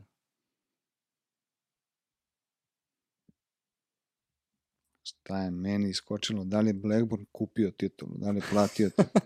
Bože, sačuvaj. Kakav narativ? Evo ga. 95. 95 na 96. Uh, su oni- Ne, 94. na 95. Aha, su uzeli titul, jel? Mm. A što se tiče taj period. favorita u Premier ligi, Može Premier Liga, može ovako pratiš neke klube, prosto da ti a sad samo Miljakovac. Samo Miljakovac. Da, a pre, ne, sam on, skroz ušao tu priču, a pre Manchester, meni je Manchester bio... sad ću ja postavim koji Manchester kao pitanje i dobit ću odgovor, pa posto kad kažeš Manchester može da bude samo jedan, ma, jel tako? tako je. pa u moj nekoj Pa dobro, sferi naravno, pa naravno, i pa svega, ovaj, to je ta Fergijeva era, samo što za mene to počinje kad sam krenuo negde da kapiram futbol 98. 99. pa dok se nije penzionisao. Stvarno, posle toga ono, pokušao sam još malo sa Moesom da ispratim, ali to mi je nekako, ne znam, ko kad je Jezdić počeo da glumi Crnu gruju. Ma Razumeš? dobro, da.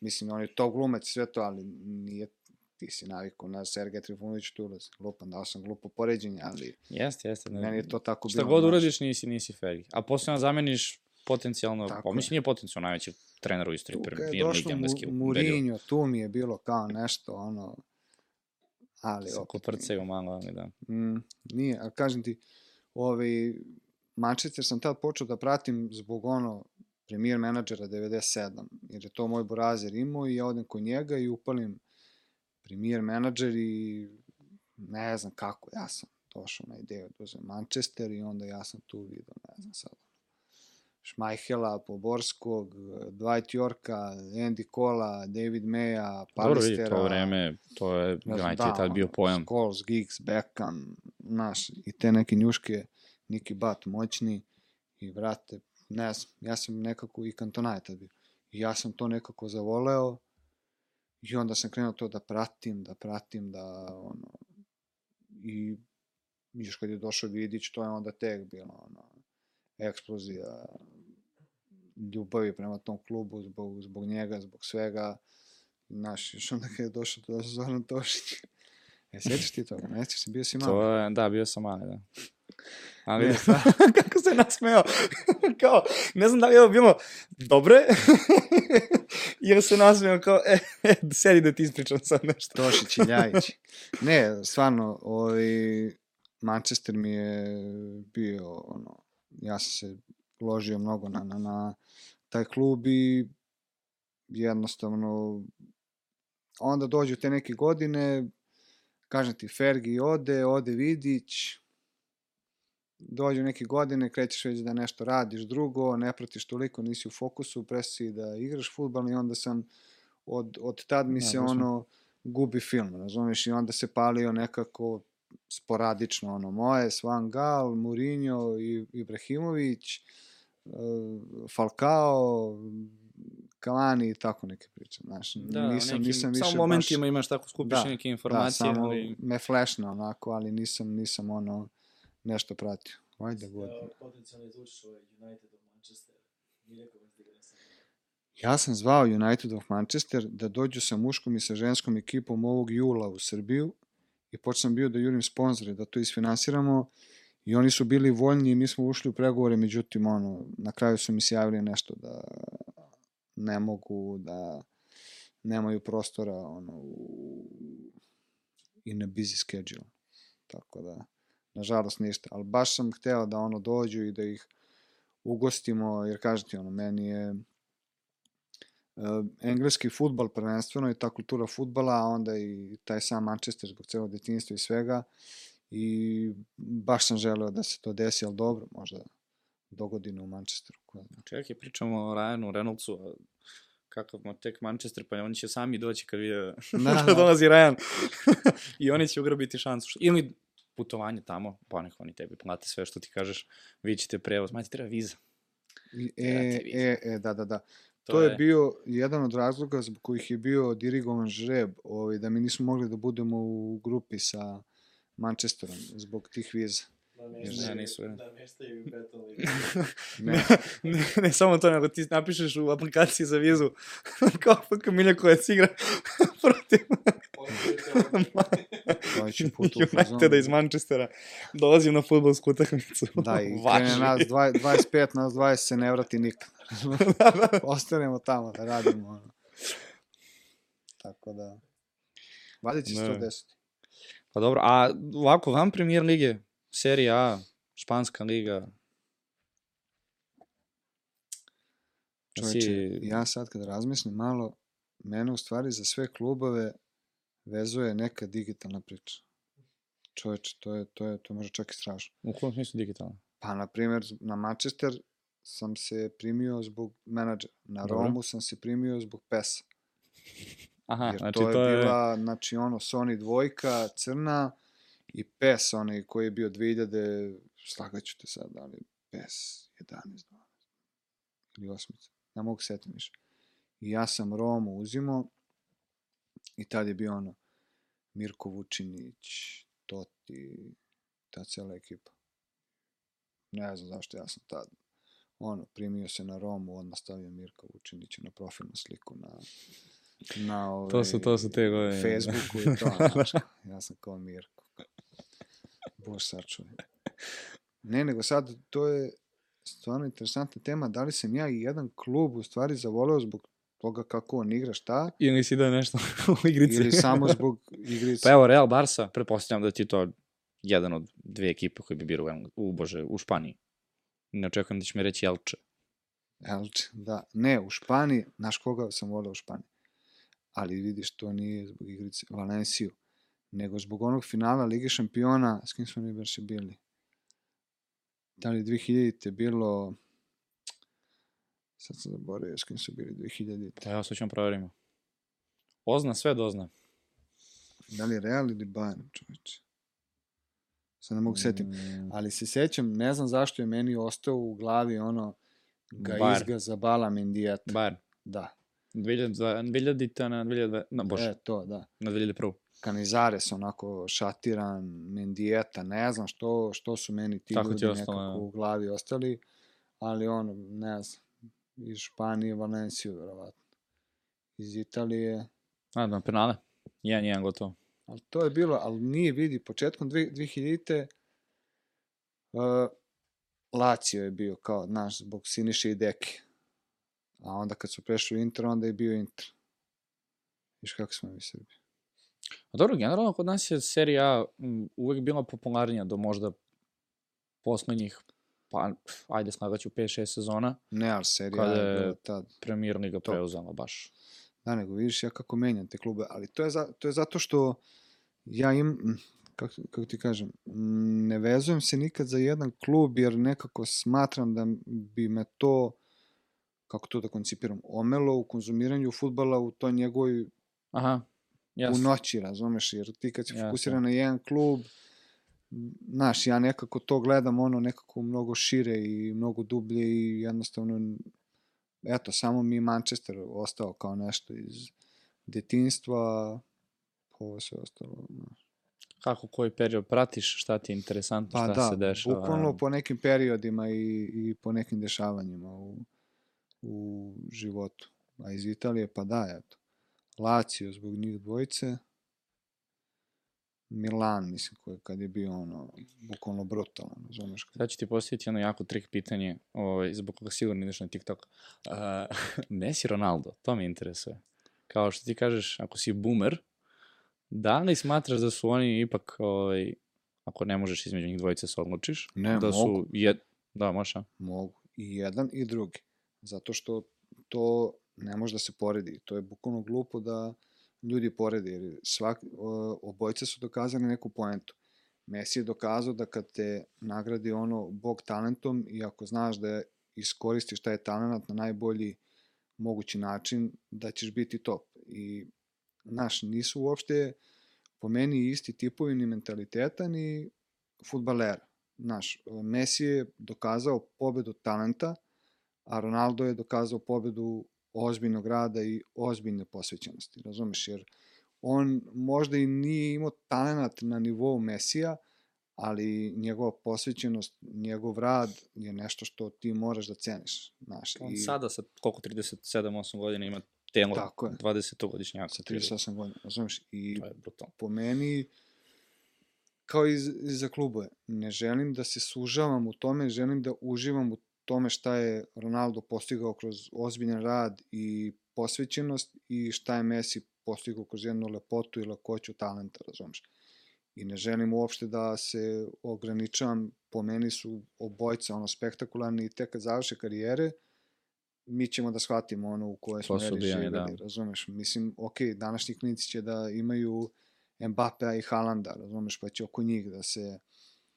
Tako da, što se mene tiče, njih dvojica, obojca, jer je obojca su dokazali nešto svoje i neku svoju poentu i, i pokazali put nekome. Znaš, ok, ako nisi baš toliko talentovan, posveti se ishrani, treningu, spavanju, svome telu i ono, ti ćeš doći do visina neslućenih. Ali evo, kad kažeš da si boomer za neke stvari u futbolu, uporedi njih dvojicu sa nekim bivšim legendama, koje mi nismo imali možda priliku da gledamo ili možda smo i mogli da smo bili premali.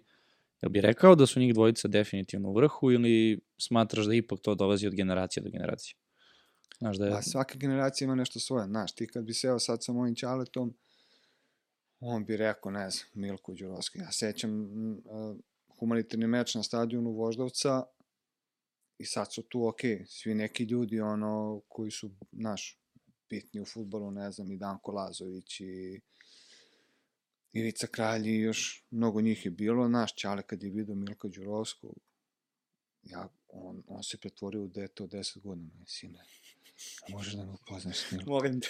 samo da popričam s njim, šta ti je tata, ništa, mislim, polako, Milko, sad ćemo s njim, znaš, ja prvi put vidim svog čarata koji je bukvalno kao, Kao dete, da, da. kao dete, znaš, onako srećan, nasmejan, znaš, i to je, tako da svaka generacija će da ima nešto svoje, znaš, mislim, nama kao klinicima vidi Ronaldinho šta je radio, ali on je to radio, mislim, on je dono taj ono brazilski duh sa ulice, s osmehom, mm. -hmm. velikim se sve radi, sve je mnogo lagano i sve je mnogo lepo i žoga bonito.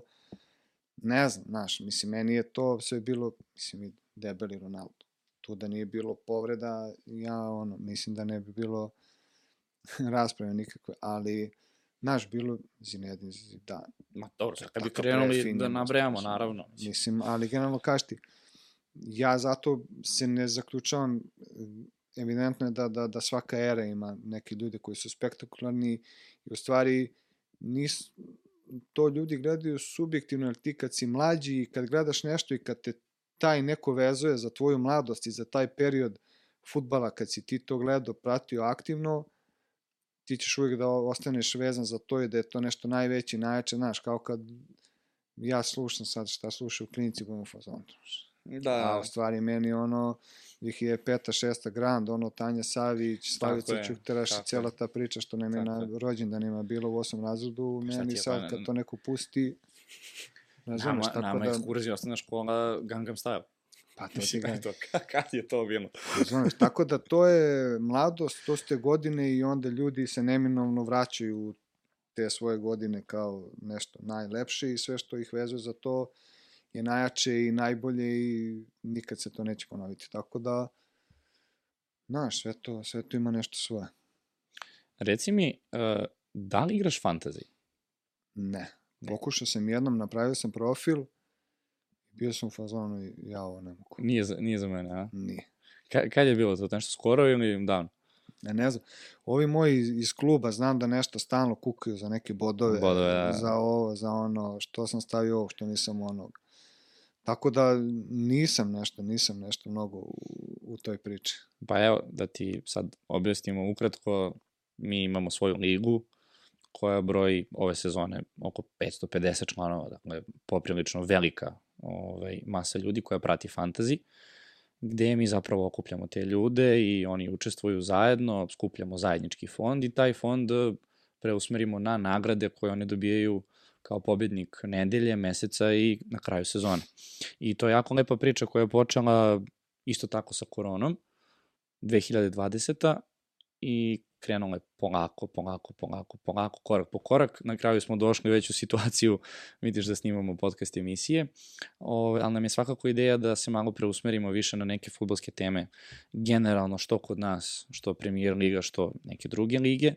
O, tako da, s obzirom da ako nisi do sad igrao fantasy, uh, prvo želimo da te od sledeće sezone, pošto je pravilo da kada krene sezona nema do, ovaj, novih, novih članova, da te za sledeću sezonu ovaj, zvanično pozovemo da, da učestvuješ u našoj ligi i da se izboriš za neke, naravno, nagrade futbolska, lopta, knjiga, mislim, prosto neke onako sitnice koje su futbolski suveniri, tako da ako budeš zainteresovan da igraš sledeće sezone ovaj, i da se na taj način družiš sa nama, ali to znači da ćeš morati malo više da pratiš ove lige koje su, znaš, ovaj, posebno premier Nemo- ligu.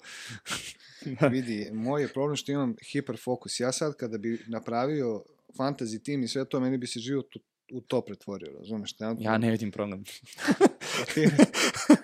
Šane se, vidjet ću, pa što, što da ne, probaću. Napravio sam taj profil, bio jednom probao i kao shvatio da sam promašio sve što sam mogao da promašim, potrošio neke pare, nešto, kupovao, šta.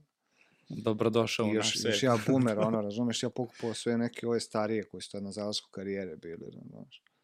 Imena, da, da. Znaš, bre, bre, u mojoj glavi Nigel Rio Cooker još uvek igra. A znaš ko je Nigel Rio Cooker? Au, da sam ja baš... Čekaj bre, stani.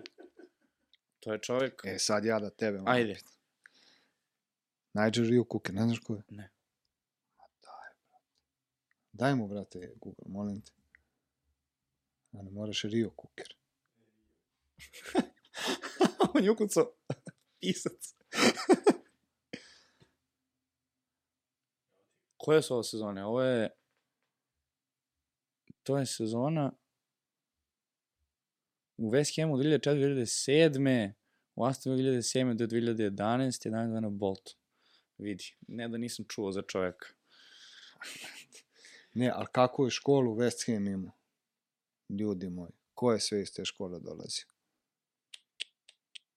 Pazi, mi smo ti ta neka generacija od prilike, znači mi smo ti većinom 98 svi, ako smo kretali sa nekih deseta godina intenzivno da, da mislim intenzivno, da počnemo eto, da, da pratimo futbol, to ti je tako ta neka sezona 2008, 9, 10, ti prvi put gledaš nešto na TV, makar ja, evo, lično. sam tako neka 2009. je bila možda početak da sam ja krenuo da gledam neke futbolske utakmice na TV-u. Mislim, to je kod mene bilo jako nepopularno gledati futbol u kući. Ne znam Jel da? zašto, da. Ne znam zašto. To je bilo tenis, malo košarke i kao to bi bilo to otprilike. Nije, nije bilo toliko popularno kod mene da se prati. Pa, Ali onda probilo se. Ne, ali znaš, znaš ti koja je bila fora? Što mi kad smo bili klinici, zašto ja mislim da je sad došlo do zasićenja ozbiljnog, čak sam i ja prezasićen futbolom, jer mi se život sad sve ono futbola kamoli da ga još gledam. Mi smo nekad mo morali da čekamo subotu i, ne, e, i nedelju za prenose i ti si mogao da vidiš futbol samo tad. Znači, RTS, ono, Liga SRJ, subota, da li je bio Pink, ono, Serija A i BK Premier Liga i to je to. Znaš, ti sad upališ a, da. da li net, da li e, televizor i biraš, hoćeš Poljsku, treću, četvrtu, petu, prvu, drugu, hoćeš Japan, Tajland, hoćeš šta god hoćeš, u svakom momentu ti možeš da gledaš negde neki futbol. Znaš, i malo je došlo do prezasićenja. Znaš, nema ono da ti čekaš taj vikend da, da, da vidiš nekog majstora, nego šta god hoćeš, kad god hoćeš. Ti Pritom da dodaje vidiš. YouTube i sve društvene mreže. Ti kad uđeš sad na Twittere i uvek imaš neku situaciju, ne, neku rekapitulaciju, neke golovi, analize. Jeste, to Mhm. zna, zna da optereti, ali neko Tako i to da- voli, znaš. Ma naravno, nego ovaj, kažem ti, eto, za podcast koji plate mlađi ljudi, dovesi mene bumera, ono, bukvalno Verujem mi, vidjet ćeš koliko će dobro da prođe. 100%. Teško. Ali kaži ti, ali daj, molim te, kucaj uh, tim West Hama 2000. godine. Jel ti znaš sve ko iz njihove škole potekao? Posledno West Ham 2000. 2000. Čoveče, završilo se bombardovanje. Da. ja bio u selu, ne da, mislim, dve Vidi, godine imam. Ne znam da li ću da omanem, ali ono, sigurno braća Ferdinand, Lampard, čoveče, Šaka Hislop. Ti sećaš Šake Hislopa? Šaka. Šaka je sad jedan od glavnih, bre, sportskih komentatora na, Ozbiljno? na ESPN-u. Nisam znao. Da, Šaka Hislop. Kakav golman, brate. Ali vidiš, da za njega znam upravo zbog toga, jer sada pratim futbol i znam, znam za njega. Mm, I imaš Da. priču za njega kako je branio za, za svoju reprezentaciju, kako to izgledalo. Ovaj skandal sa FIFA-om, je, znaš? ne mogu Šta se... ste... Pa, te- to je Trinidad i Tobago, je tako puno ime. Da, oni su 2002. igrali na... Oni svetu. su, da, tako neke godine igrali na svetskom, ali to je bila priča da igraju na svetskom zbog e, dogovora tada još kada su bili skandali Mhm. sa FIFA-om za koje mi tad u tom trenutku nismo znali. FIFA kako funkcioniše, oni kada biraju predsednika, svaka zemlja koja je članica FIFA ima jedan glas. Da, Sad ti je nebitno da li ćeš dobiti glas iz Trinidada ili ćeš dobiti glas iz Engleske. Isto vredi. Isto vredi. I onda, i ovo obrati pažnju sad, dakle, svaki novi predsednik ili koji hoće da zadrži funkciju u FIFA, ovaj, oni uvek prave tako svetsko prvenstvo u Južnoj Africi, sada Bliski istok, e, ugađaju nekim tako reprezentacijama koje, ok, stvarno se stvarno vredi ulagati u njih, ali u pozadini priče, imaš baš na Netflixu dobar dokumentarac, to bi ti bilo baš interesantno, Kako se zove? FIFA Uncensored, A, možda da, tako da, da, nešto, da, da. ovaj, gde su oni na taj način dobijali, ajde da kažeš, podršku, ovaj, i baš je, baš je Šaka pričao o tome kako ih je taj jedan FIFIN predstavnik iz Trinidada, koji je jedan od uglednijih bio tada, zaborio sam ime, ovaj, na koji način je to funkcionisalo, kako im on obećavao, ne znam kakve nastupe, koliko su ih zaboravili nakon da, tog, tih kvalifikacija i svega. Mislim, baš onako jedna onako A to je politika. skandalozna sve. priča. Ma da, da ne ulazimo previše u to, ali na primjer, eto, šaka da, svakako. Čekaj, ko je još tu? Dž- Um, Joe Cole, Jermaine Defoe, Michael Carrick, Frank Lampard, uh, da li su Rio Ferdinand, čovječe, naš, nji- njihova škola je tad baš ozbiljno radila. I vidite ove glave koje su bile. Štimac, je- Šuker, Frederik Kanute, Rigobert Song. To ti je, da, da, da, da, da. Znaš ti da ja nekad uđem tako na Wikipediju, na Transfer Market i samo gledam te stare timove kao ono, Prisjetiš se. Da, mene, ono, mene to trigeruje na naj, najlepši ono deo života. A da, vidiš, Rio je napustio te sezone. Mm, Mm, čekaj, znaš ko je Tomaš Repka? čoveče, sad kad bi krenuli tako, ne... pa mislim, evo ti dam sad igrače Portsmuta u ovoj sezoni, pa mislim, možemo do sutra ovako. Ali da, dobro, to ti je, znaš kako, ne, različite te, da li generacije. znaš ko je Tomaš Repka? To me samo da Pa ne, pazi, čuo sam za njega, znam otprilike futbalera, ali sad informacije o njemu sve i koje su to sezone i Kaka njuška, kakav štoper. pogledaj ti ovu facu. Klasičan štoper. Ajde što što opet, nego meni stvarno deluje, na primjer, kao da bi mogao da ga vidim u Maxi u Mesari, otprilike, stvarno, stvarno mogu da ga zamislim. I oni beli kecelji, onako. Ti nemaš kod tebe Miljakovac nekog ovog beka.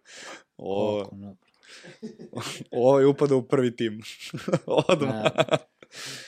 Ne, šalim se. Neću više smaram ljudi. Ma ne, ne smoraš, nego to ti je, znaš, uh, upravo, imamo i mi tako momente, ne znam, naletim na, na kao crtače, znaš, ove, dragi bravo na, na Instagramu ili nekad ti setiš se nekog crtanog, kako si, i onda ti se probude emocije, mm. koliko si bio srećan kad vidiš ovaj, neki intro za tako crtani, tako da sigurno i ti tako, ali verovatno A, ćemo i mi to, kad, To je kad jednog dana budemo pričali o nekom E. Kevinu, Brunu, Tako ćete A, vi za 10 godina. Tako, tako, doći ti generacija kaže, ko je to sad, Da, da. to je ništa.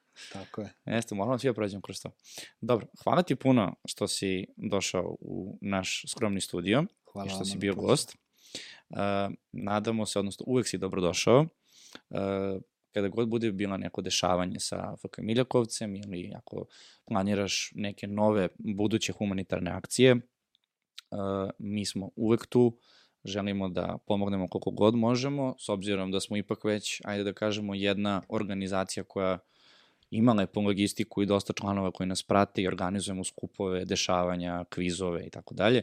Ovaj, uvek može da računaš na nas, e, želeli bi da pomognemo koliko možemo, a kao kapitan FK Orlova, hoću za kraj opet ću te pozovem da napravimo pred vaš početak Može, sezone Može, neku prijateljsku, a i što da ne skupimo što više ljudi pa i da napravimo neku, može, slažem se. neku lepu pričicu. Tamo negde, ajde, ajde u julu, pre početka prvenstva. Vidi, ako nas na ima, do... da. ne, ne, da, ako nas ima ne, vi ste dovoljno... mladi, vi ste tada Ma da, ako im kažem, da igramo protiv...